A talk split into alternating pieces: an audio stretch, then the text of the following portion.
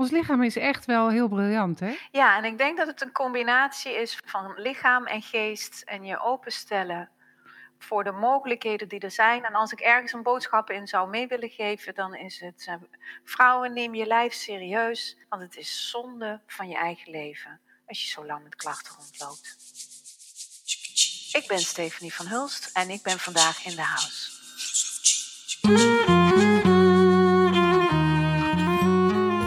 Deze podcast gaat over endometriose. En waarom wil ik het nou hebben over zo'n specifieke aandoening in House of Chi? Nou, 1 op de 10 vrouwen heeft last van endometriose, met alle gevolgen van dien, en dat vind ik een enorm aantal. Maar als er één ding duidelijk wordt van mijn gesprek met Stephanie, is dat we heel veel dingen kunnen voorkomen als we bewust omgaan met onszelf, bijvoorbeeld met voeding. Stephanie, welkom in de podcast. Dankjewel. Fijn dat je er bent. We gaan het vandaag hebben over een onderwerp wat niet voor iedereen heel bekend is, um, maar wel heel belangrijk, want het kan een enorme impact op je leven hebben, op het leven van vrouwen. En dat is endometriose. Klopt. Best veel vrouwen hebben daar last van zonder dat ze het aanvankelijk weten. Oh ja?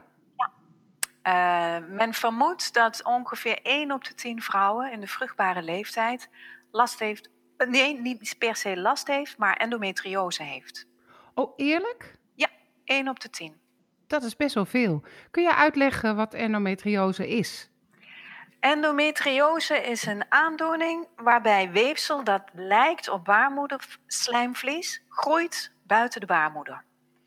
En meestal groeit dat dan net buiten de baarmoeder, in de buurt van de eierstokken, soms aan de achterkant van de baarmoeder, soms in de buurt van de endeldarm, in de buurt van de blaas. Maar bij sommige vrouwen gaat het nog een beetje verder. En dan gaat het dus zelfs naar het middenrif en een enkeling heeft er zelfs last van bij de longen. Maar dat laatste komt heel weinig voor. Wow, dat is heftig zeg. En uh, wat, wat is het probleem dat dat weefsel daar terecht komt? Wat doet dat daar? Wat kun je daarvan merken? Er zijn Vrouwen die merken daar niets van, hebben daar geen last van. Hangt ook af natuurlijk waar het zit, hoeveel het is en ook hoe goed kun je het opmerken. Hoe hoog is bijvoorbeeld je pijngrens. Maar wat je vooral hoort, wat ik vooral hoor in mijn werk, is enorme menstruatiepijn of ongelooflijke ovulatiepijn. Dus er zijn vrouwen en die zeggen, nou, het is bij mij ongeveer iedere twee weken raak. Ik heb eerst rondom mijn ovulatie twee weken enorme stekende pijn. Serieus? En als ik ongesteld ga worden, heb ik het nog een keer. En het verschil met, nou ja, menstruatiepijn zou niet normaal moeten zijn, maar ik ga het dan toch maar even gemakshalve menstruatie, normale menstruatiepijn noemen, ook al is dat niet normaal, is dat je ziet dat, het, dat pijnstillers vaak onvoldoende helpen. Het is een heel belangrijk kenmerk. Gebruiken pijnstillers en het werkt niet genoeg. En die pijn bij die ovulatie die ontstaat vaak ook omdat er bijvoorbeeld weefsel samenkomt in de vorm van een kiste. Dat heet dan een endometriose-kiste. En dat wordt ook wel eens een chocoladekiste genoemd. En die zit dan in de buurt van die eierstok. En dan moet zo'n eitje vrijkomen, dan moet een ijsprong komen. En die, die, kan dat bijvoorbeeld niet doen, omdat daar een kiste zit. Er zit iets ervoor. Of het kan er wel uit, maar het kan er niet verder naar de eileider toe. Dus dat geeft pijn. Mm er komt druk. Er komt druk vanuit die kiste, komt er, komt er op die eierstok. En rondom die ovulatie kan dat ontzettend veel pijn geven. Begrijp ik. Is het nou zo, omdat je zegt het, is, het zijn eh, vrouwen, die vrouwen hebben vaak uh, dus heftige menstruatieklachten. Is iedereen die nu luistert en denkt ik heb heftige menstruatieklachten, moet die zich daar zorgen over maken? Ja, om twee redenen. Eén, ja. het is zonde voor je rest van je leven, van de ja. leven dat jij ongesteld gaat worden, dat je altijd met pijnen zou rondlopen. Dat is op de eerste plaats. En op de tweede plaats, het kan ook endometriose zijn. Ja.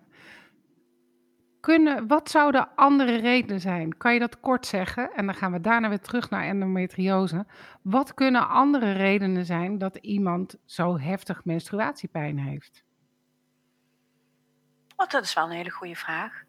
Soms is de oorzaak onvoldoende bekend waarom iemand heftige menstruatiepijn heeft. Ehm, soms kan het ook zijn omdat iemand uh, vleesbomen heeft in de baarmoeder. Dat kan ook heftige menstruatiepijn geven. Ehm, vanuit mijn werk bekeken, vanuit Chinese geneeskunde, kan het ook zijn omdat er zoveel kou zit in je buik. Dat die menstruatie niet makkelijk op gang komt. En dan merk je vaak dat als je dan eenmaal ongesteld bent, nou dan ben je over de grootste pijnhobbel heen. Mm En is dan kou, dat komt door koud eten, koud kleden? Koud eten, koud kleden, maar ook gewoon uitputting, gewoon te moe zijn. Ah ja. En dan kan niet meer genoeg warmte naar je buik toe. Ja. Ik heb ooit een, een cliënte behandeld, maar die had heel veel uh, menstruatiepijnen, maar die liep ook heel veel op blote voeten in huis. Ah, ja, ja, ja, ja, ik zei meteen, alsjeblieft, doe, doe sokken aan en slippers. En ze zei echt, dat werkt, ik heb minder pijn. Fantastisch, super tip. Ja. Super tip. Maar endometriose, dat, dat is een ander verhaal. En dat baarmoederslijmvlies, hè? klopt het dat dat eigenlijk ook elke maand dan een uh, geprikkeld raakt door de cyclus?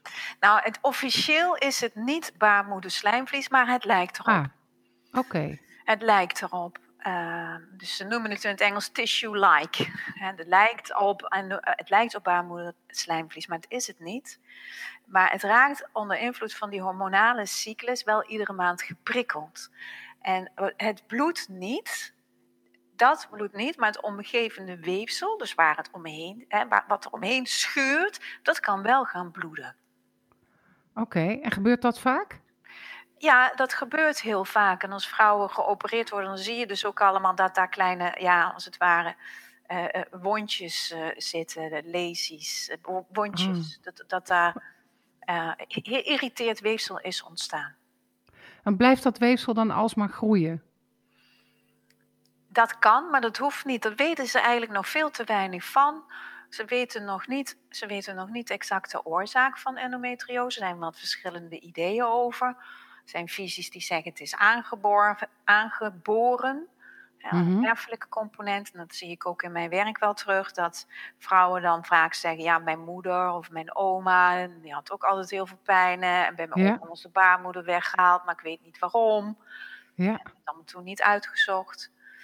Uh, dus je, het kan erfelijk zijn. Uh, het, het kan, ze vermoeden ook dat het te maken heeft met een immuunsysteem wat niet goed werkt. Ze, ze weten het nog niet precies. Mm -hmm. En mhm. als ik er vanuit mijn werk naar kijk, vanuit Chinese geneeskunde, dan zeg je eigenlijk er is onvoldoende energie en de bloeding in het bekken om ervoor te zorgen dat het weefsel wat er zat, dat het opgeruimd kan worden dat zou voor mij dan de suggestie werken dat het normaal is dat dat weefsel daar komt, maar dat het dan normaal opgeruimd wordt. Nee, het is niet per se normaal dat dat weefsel daar zou komen.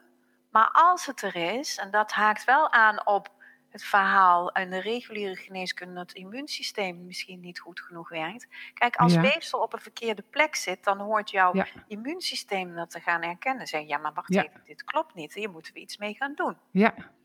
En als je immuunsysteem sterk werkt, kan het daar iets mee doen. Ja. Dus men vermoedt, en dat haakt wel aan op de Chinese geneeskunde, die zegt er is onvoldoende energie in de bloeding in het bekken. En dat kan mhm. van oorzaak zijn dat het een stukje aanleg is, echt erfelijk, dat je moeder dat ook bijvoorbeeld had. Maar het kan ook zijn dat je immuunsysteem niet goed werkt. Ja, ja.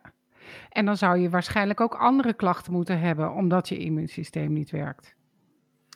Dat kan, maar dat hoef je niet altijd op te merken, omdat je daar al aan gewend bent. Ah ja, ja, ja. Dat is het probleem natuurlijk. Hè? Wat is normaal? Wat is normaal? Je gaat wennen aan wat er is. En dat is natuurlijk het overlevingsmechanisme van de mens. En wat voor jou normaal is, is voor een ander helemaal niet normaal. Ik heb gisteren een cliënt gesproken en die zei: Ja, ik vind het normaal dat ik vijf keer per jaar verkouden ben. Ja, ik begrijp het. Ik begrijp dat ook wel. Dat je dat vindt, toch? Ja. Ja, of dat je, nou, of dat je denkt, nou, kom op, niet zo zeuren, eh, schouders eronder, geeft niks, we gaan door. Iedereen heeft wel iets. Ja, precies. Ja, ja, oh, volledig herkenbaar.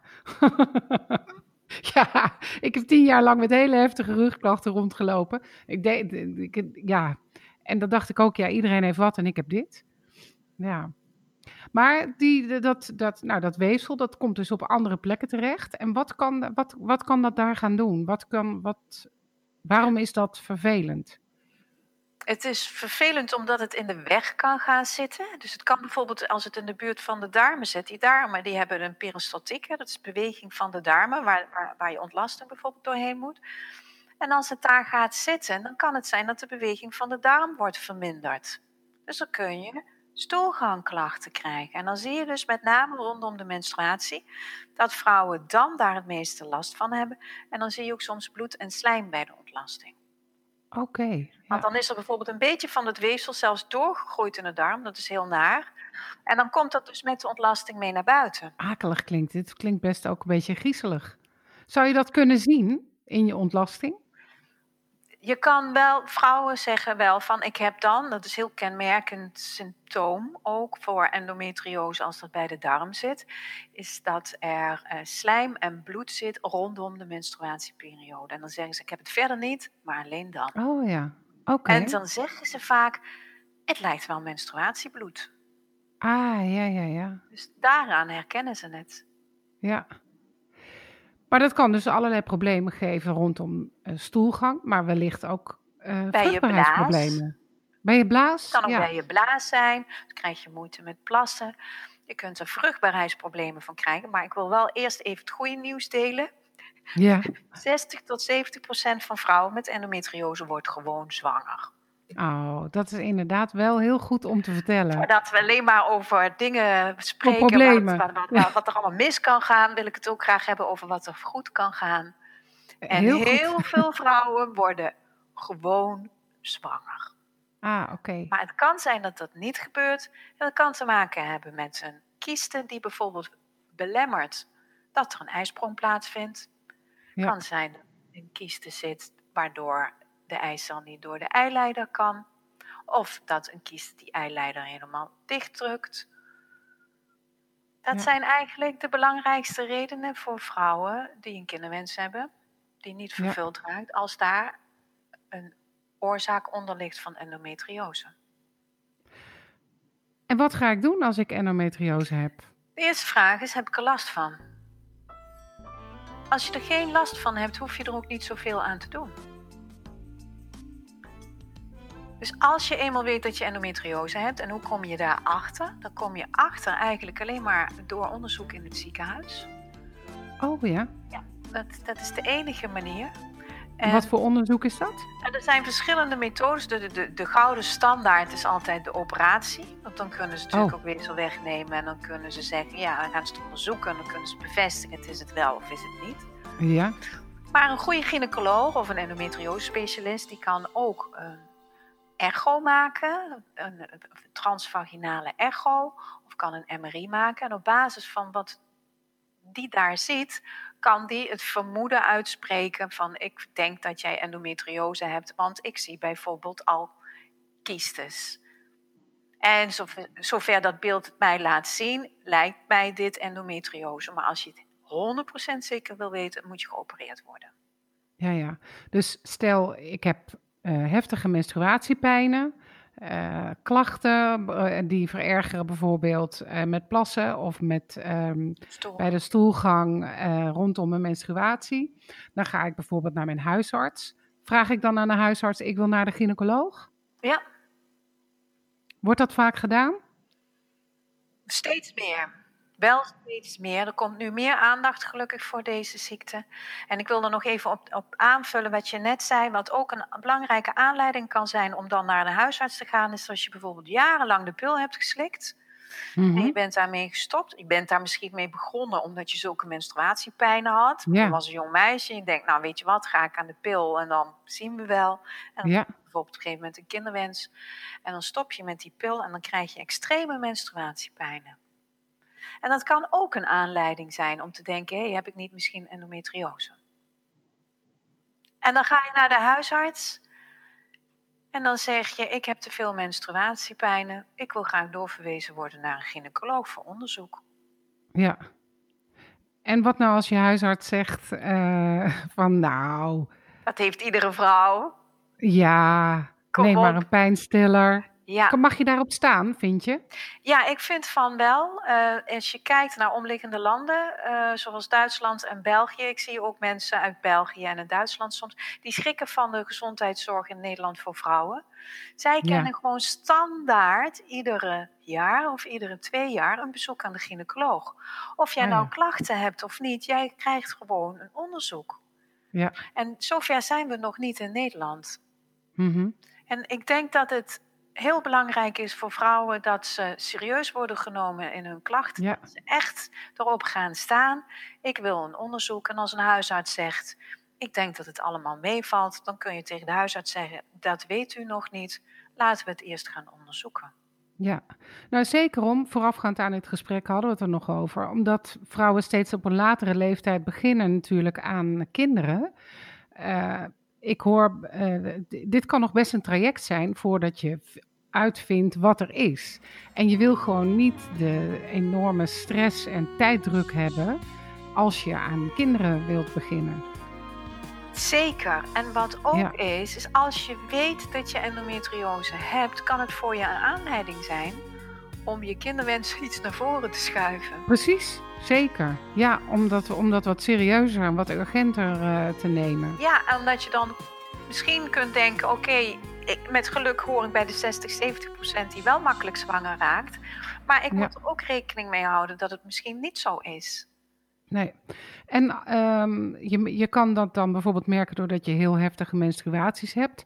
Uh, betekent dat dat als je de leeftijd hebt dat je menstruaties niet meer hebt, dat je dan geen last meer hebt? Of, heb je, of werkt dat eigenlijk altijd door? Nee, goede nieuws is, weer goed nieuws voor pakweg. ja, er zit ook heel veel goed nieuws bij deze ziekte. Uit onderzoek blijkt dat bijna 95% van de vrouwen heeft geen last meer van endometrioseklachten als ze in de overgang is. Oké. Dus ik zeg ook tegen, ik zie hier in mijn boek 97%, moest even nakijken. Oké. Ehm, dus ik zeg ook altijd als vrouwen mij bezoeken, het gaat over. Ja. Het gaat, 97% kans dat het overgaat voor jou. Maar even terug. Stel, ik heb daar last van. Wat gebeurt er als ik naar jou kom? Als jij naar mij komt, ga ik eerst heel goed naar je verhaal luisteren. Want endometriose is één naam, maar hoe het voor jou is en hoe het voor iemand anders is, kan heel verschillend zijn. Dus ik moet eerst heel goed weten, wat speelt er bij jou? Welke onderzoeken heb je gehad? Wat weet je al wel? Wat weet je niet? Er zijn vrouwen die bij mij komen die zeggen: Ik denk dat ik endometriose heb, maar ik weet het niet zeker. Er zijn vrouwen die het al wel weten. Dus ik wil graag weten hoe je huidige situatie is. En ik wil weten waar heb je nou vooral last van. En dan ga ik samen met die ander meedenken. Wat zou voor jou een goede oplossing zijn? En dat kan bij mij zijn, maar soms kan het ook zijn als ik het verhaal lees bijvoorbeeld een verslag, dat ik zeg: Heel leuk dat je bij mij bent, maar ik denk dat je beter geopereerd kunt worden. Waarom zou dat kunnen zijn? Nou, ik heb, uh, dat is een heel mooi voorbeeld. Ik heb een, een, een, ooit een cliënt gehad. En ze belde me op en ze is een nieuwe cliënte en ze zegt me: Ja, uh, de, de gynaecoloog heeft heel weinig tijd, want ze hebben het heel erg druk. En ik ben aan een pil gezet, maar het voelt helemaal niet goed. Dan mag ik met u een afspraak maken. Ik zeg: Nou, dat is prima, kom maar. Ja. En ik spreek haar en ze zegt: Ja, het is net of ik een tennisbal in mijn buik heb. Zo voelt het. En ze ligt bij mij op de bank en ik vraag of ik haar buik mag voelen. En het was net of er een tennisbal omhoog plopte uit haar buik. Wow. Ik voelde daar overheen. Ik zeg: Is dit iets wat je altijd hebt gehad? Nee, zegt ze: Dit is nou wat ik bedoel met die tennisbal. Ja. Ik zeg: Hoe lang heb je dat al? Ja, zegt ze, dit is sinds, ik weet niet hoe lang, maar ik heb er nu sinds een half jaar echt veel last van. Ja. En ik schrok zo dat ik zei, ja, maar dit kan niet. Jij moet echt heel snel niet aan het woord, uh, niet per telefoon uh, behandeld worden door de gynaecoloog. Jij moet echt gezien worden. Dit is niet goed. Toen heb ik haar naar een ander ziekenhuis doorverwezen. En ze bleek een kiste te hebben van 15 centimeter. Jongen, jongen, jongen. Dat kan ik niet behandelen met kruiden en ook niet met, met andere dingen. Die, zij is geopereerd. En dat is heel goed gegaan. En ze was heel blij eh, met mijn uh, dringende advies om dat te laten doen. Want ze zag er ook tegenop. Het ziekenhuis heeft haar heel serieus genomen. Ze kende mij ook. Ik heb echt gezegd, je moet daar naartoe. Ja. En, en dit is allemaal heel goed afgelopen. Je geeft al aan, uh, je behandelt met voeding en met kruiden. Vooral behandel ik met voeding en kruiden. Voeding is zo ontzettend leuk omdat het iets is wat je zelf kan doen. Je hebt misschien een beetje hulp nodig van mij, maar daarna kan je lekker zelf aan de slag. En wat zo fijn is, zeker voor vrouwen die uh, darmklachten hebben. Ja, darmklachten en voeding, dat is gewoon één op één. Mensen zouden jou moeten zien, je straalt helemaal ervan. Trouwens, je hebt een prachtig boek gemaakt daarover. Dankjewel. Ik kom bij jou en we gaan het hebben over voeding. Of we gaan dat. Hoe, doe je, hoe gaat dat? Ik ga eerst vragen waar heb je vooral last van? En dat, daar, daar, daar gaan we eh, even op in. En daarna gaan we gewoon kijken naar wat eet je zoal en waar hou je wel van, waar hou je niet van. Want niks is vervelender als iets te moeten gaan eten wat je absoluut niet lust, wat je niet lekker vindt, waar je 100 kilometer voor moet rijden, ga je allemaal niet doen. Dus ik heb er altijd de grootste lol in om samen met je te gaan bedenken: zou je dit lusten of zou je dat lusten? Is dit voor jou oh, haalbaar? Oh, ja? Ik heb bijvoorbeeld met iemand gewerkt en zij moest voor haar werk heel veel in de auto rijden overdag. En voor haar was een hele goede oplossing dat ze een goede thermoskan kocht, grote thermoskan, waar zij uh, een soort maaltijdsoep in kon doen. Ah ja, ja. Dus ik oh, ga heel, gaat... heel, specifiek kijken wie, wie ben je, welke klachten heb je, hoe is je leefsituatie, hoe is je werk, waar hou je van en waar hou je helemaal niet van. En dan gaan we kijken, wat zou je lusten en wat gaat voor jou werken. En meestal doen we een update na een aantal weken. En dan gaan we kijken welke klachten zijn weggevallen, welke zijn nog gebleven en hoe kunnen we daar een verandering in krijgen. Maar is er dan dus zo'n directe relatie tussen voeding en endometriose? Dus tussen voeding en dat weefsel? Er zijn twee dingen die je moet onderscheiden. Het ene is de endometriose klachten die je hebt, die kunnen voortkomen uit endometriose. En het tweede is endometriose zelf. Mijn focus ligt eigenlijk primair op de klachten, want daar heb je last van. Ja. Maar voeding werkt ook door op endometriose zelf. En dat is ook erg leuk, want het is ook bevestigd door een endometriose specialist in Nederland. Verschillende oh al. Dus ze zien echt wel van dit, dit doet iets. En om je een voorbeeld te noemen, er is ook wel wat onderzoek naar gedaan. Een van de mooiste onderzoeken die er zijn geweest, is een 12 jaar lang durend onderzoek onder 70.000 vrouwen in Amerika. En daaruit bleek dat als je veel transvetten eet, zal je zo vertellen wat dat is, heb je 48% meer kans op endometriose. Pots, jongen, jongen, jongen, jongen. Ongelooflijk, hè? Ja, dat is natuurlijk ongelooflijk. Nou, een transvetten... Maar de aantallen zijn... De aantallen, het, het effect is ongelooflijk. Dus kun je nagaan wat een rommel we allemaal laten afzetten in ons lichaam door slecht te eten eigenlijk, hè? Ja, maar het goede nieuws is wel... Jij bent zelf degene die er wel of niet in stopt. Ja, Jij kan ja, zelf de keuze gaan maken. En in het begin is dat heel moeilijk. En dat hoor ik ook van mensen. Dan zeggen ze, ja, in het begin kijk ik op ieder etiket. En dit mag ik niet en dat mag ik niet. En dan is het even een zoektocht. Maar na een aantal weken, dan heb je je weg daarin gevonden. En dan zeg je, dit kan wel en dat eet ik ook graag. En dit vind ik ook lekker.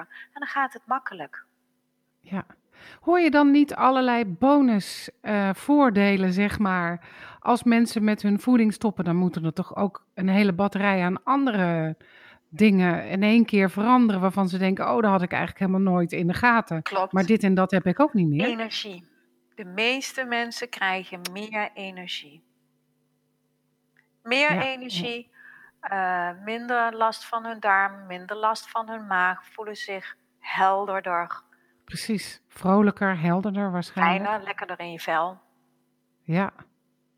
Zijn, kan je een voorbeeld geven van wat voor voedingsmiddelen? Nou, die transvetten. Ja, transvetten. Wat, oh, je zou nog uitleggen wat transvetten, wat transvetten zijn. Nou, transvetten, dat zijn uh, uh, verkeerde vetten dus. Het zijn, het zijn vetten op basis van vaak margarinesoorten. En het fijne van die transvetten is voor de fabrikant is dat het uh, voeding wat knapperiger maakt, langer houdbaar, wat smeuiger. Dus dan wordt het daarom lekker erin gestopt.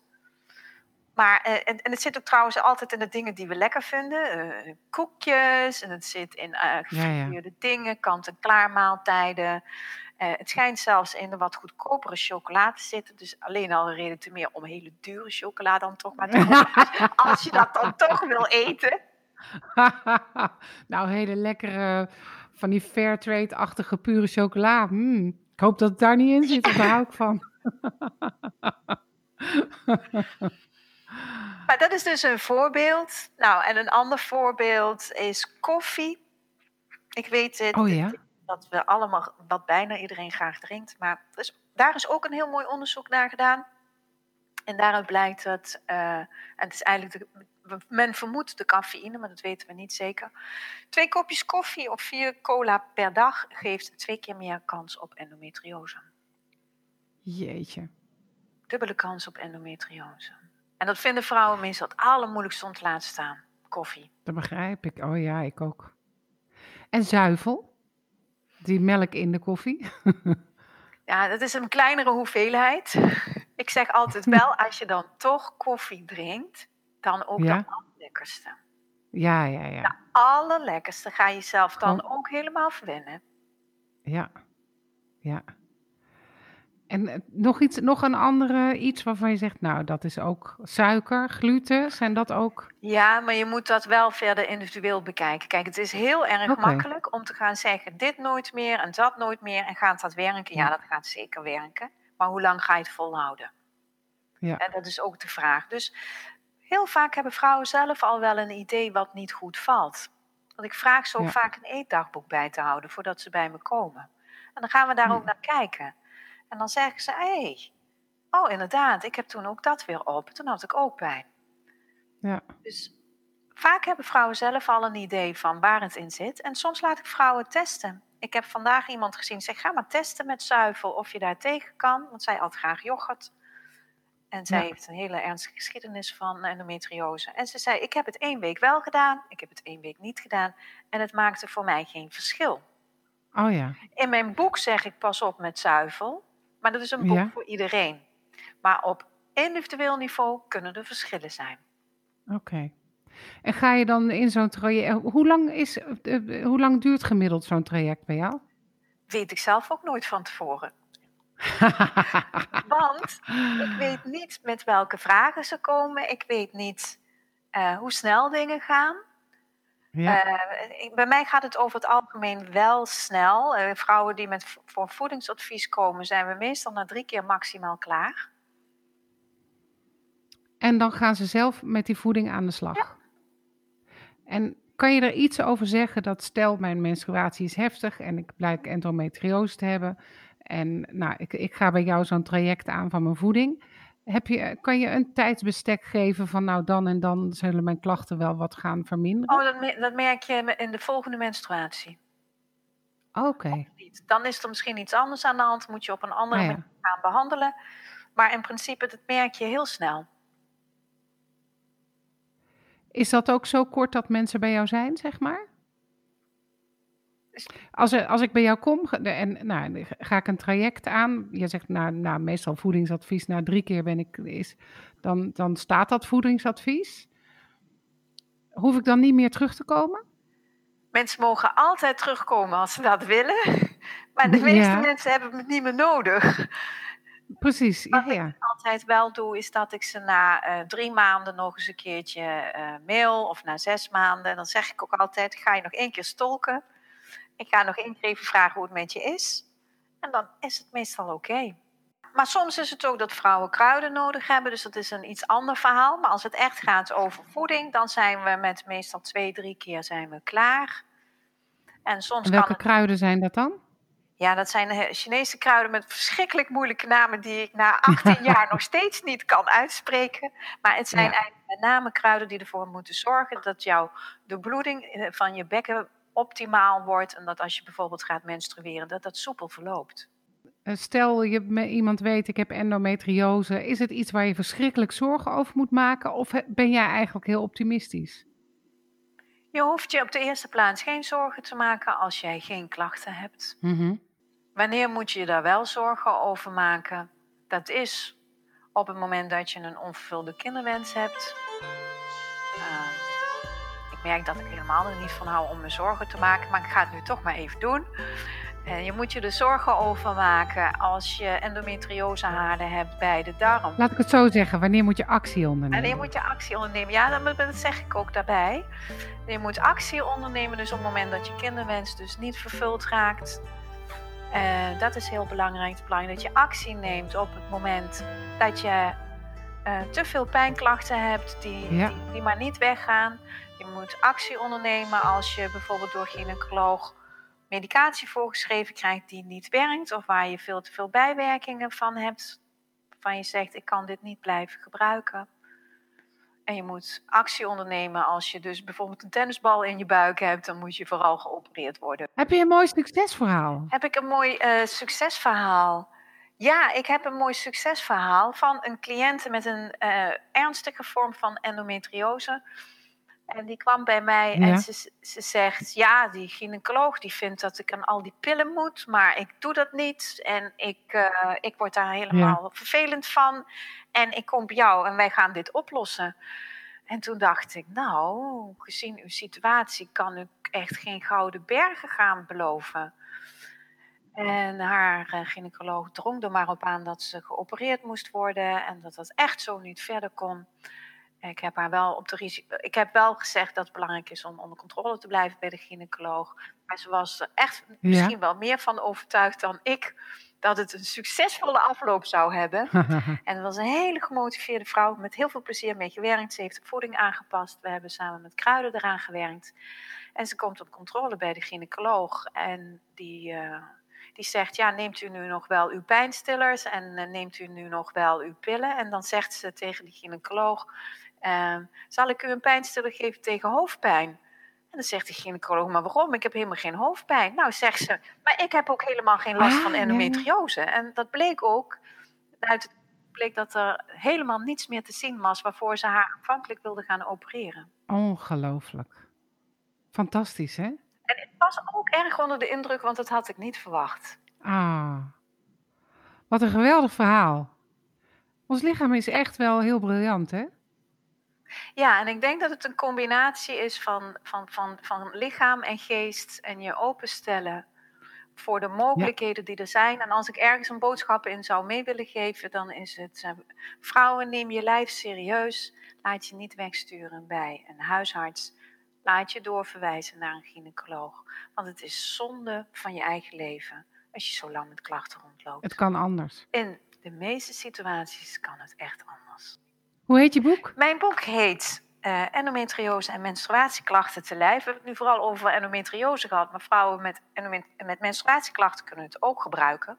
En de ondertitel is De helende kracht van voeding voor vrouwen. En er zijn ook vrouwen die mijn boek kopen zonder dat ze klachten hebben, maar die willen gewoon graag. Ja, want het is een prachtig receptenboek, hè? Wat kan je nou doen met voeding? Wat heeft het voor een invloed op mijn cyclus? Ja. En dat is hartstikke leuk om te weten.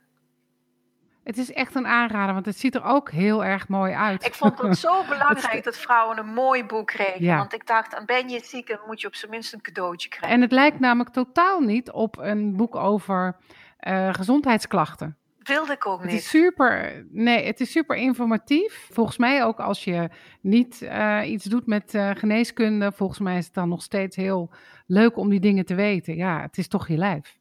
Het is je lijf en ik heb cliënten die zeggen: Mijn man vindt dat ik nu veel lekkerder kom. Oh, dus nog iets wat uh, de fertiliteit ten goede komt. Ja, als je gelooft in het spreekwoord: de liefde van de man gaat door de maag, zeker.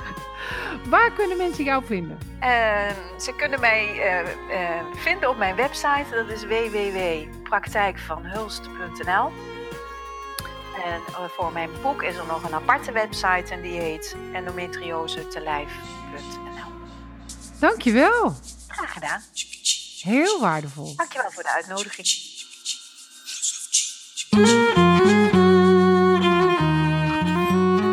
Dankjewel weer voor het luisteren naar House of Chi. Wil je alles nog eens rustig nalezen? Dat kan. Op mijn website nataliekamp.nl vind je een blog die hoort bij deze podcast. En daar vind je een link naar Stephanie en ook naar haar boek. Deze podcast is gemaakt door mijzelf. En de prachtige muziek die is van Norman David Jansen.